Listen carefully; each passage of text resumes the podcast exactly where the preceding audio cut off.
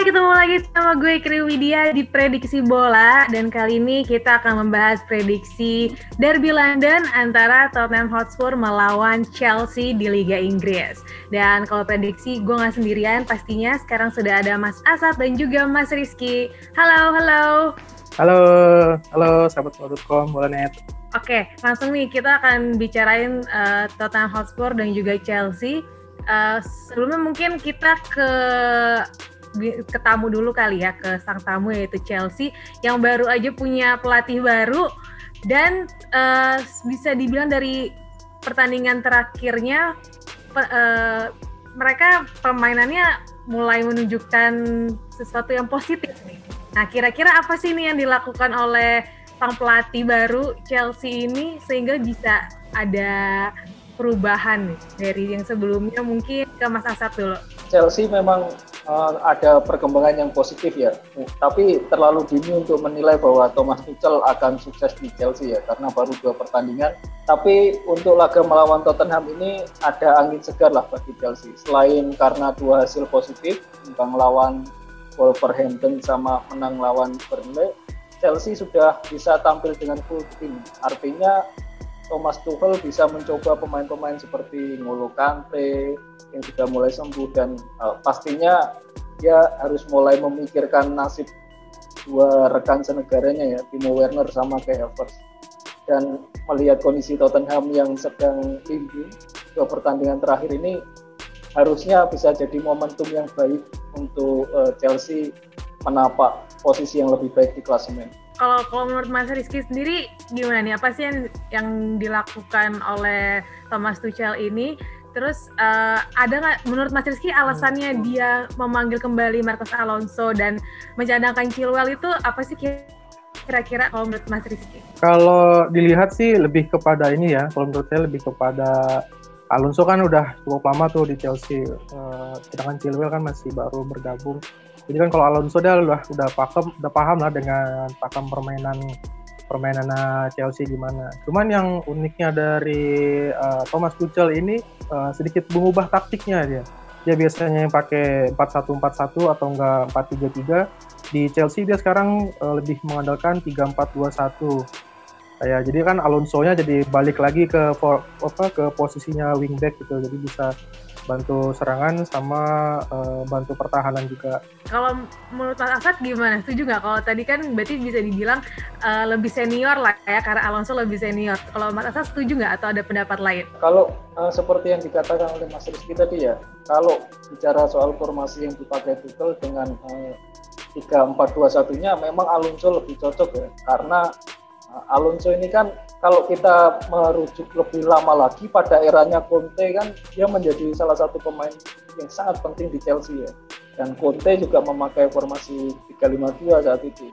Alonso memainkan peran wingback dan peran sebagai wingback ini mengakomodasi kelebihan utama Alonso. Dia bukan hanya bisa melepas crossing seperti Chilwell, tapi Alonso bisa masuk ke kotak penalti dan menjadi salah satu alternatif pencetak gol ya. seperti yang terjadi di laga melawan Burnley dia juga mencetak satu Oke, nah kalau kita ngomongin tuan rumah nih, Mas Rizky, kita ke Spurs.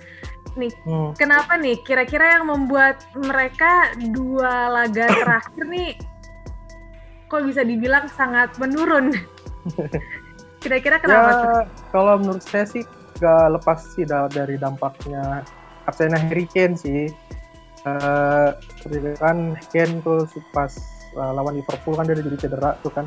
Sejak Ken cedera tuh dalam dua laga terakhir Spurs juga uh, kalah tuh satu tinggal dari Liverpool kalah dari uh, 0-1 dari Brighton nggak salah. Terus juga padahal kan Ken itu lagi on fire dia sekarang dia lagi bisa cetak uh, 19 gol dan 14 assist.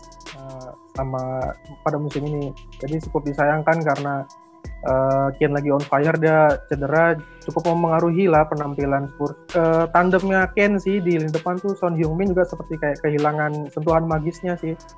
Uh, Son uh, juga udah cukup lama nih nggak nggak cetak gol dia udah enam pertandingan terakhir tuh nggak cetak gol seperti terhenti gitu uh, torehan golnya Son. Sebenarnya kehilangan Harry Kane ini kan bukan pertama kali terjadi ya di Spurs. pada era Pochettino pun dia musim lalu kan dua kali mengalami cedera yang cukup parah. Tapi uh, di musim-musim sebelumnya ketika Kane cedera, Son bisa menggantikannya dengan baik. Nah, permasalahannya kan saat ini Son jarang dimainkan sebagai target man oleh Mourinho. Sebaliknya ketika uh, era uh, Pochettino, Son beberapa kali dimainkan sebagai target man dan tampil bagus. Mourinho ini seperti tidak punya alternatif lagi di lini depan. Kalau kita bicara gaya mainnya, Mourinho ini kan suka pemain-pemain uh, depan yang bertubuh besar, kuat. Kayak di Chelsea dia punya Drogba, lalu di Real Madrid dia punya Ronaldo, di Manchester United dia punya Lukaku. Nah, Son ini kan bukan tipikal-tipikal penyerang banyak Mourinho. Oke, berarti kalau misalnya saya tanya nih, uh, Mas Rizky, derby London yep. nanti menjagokan siapa berarti? Chelsea sih sepertinya bakal menang. Mas Asad? Oh, untuk pertandingan ini saya menjagokan tim tamu akan unggul. Menarik nih. Kalau gitu langsung kita ke prediksi skor. Kalau tadi jagoin Mas Asad uh, katanya Chelsea kira-kira yang akan menang. Berarti skornya berapa nih? 0-2, 0-2. Kalau Mas Rizky untuk skor? 2-1 untuk Chelsea. 2-1 untuk Chelsea. Wah, berarti ini dua-duanya menjagokan tim ini ya, tim tamu. Kalau gitu terima kasih banyak ya Mas Asad dan juga Mas Rizky untuk prediksinya. Dan untuk kalian ya. semua juga gue ingetin jangan lupa untuk saksikan pertandingan Tottenham Hotspur melawan Chelsea hari Jumat 5 Februari jam 3 dini hari. Untuk review pertandingannya kalian bisa langsung aja lihat di bola.com dan juga bola.net. Untuk dengerin lengkap prediksi bola ini kalian bisa langsung aja ke podcastbola.com hanya di Spotify. Kalau gitu, kita bertiga pamit undur diri. Sampai jumpa. Dadah.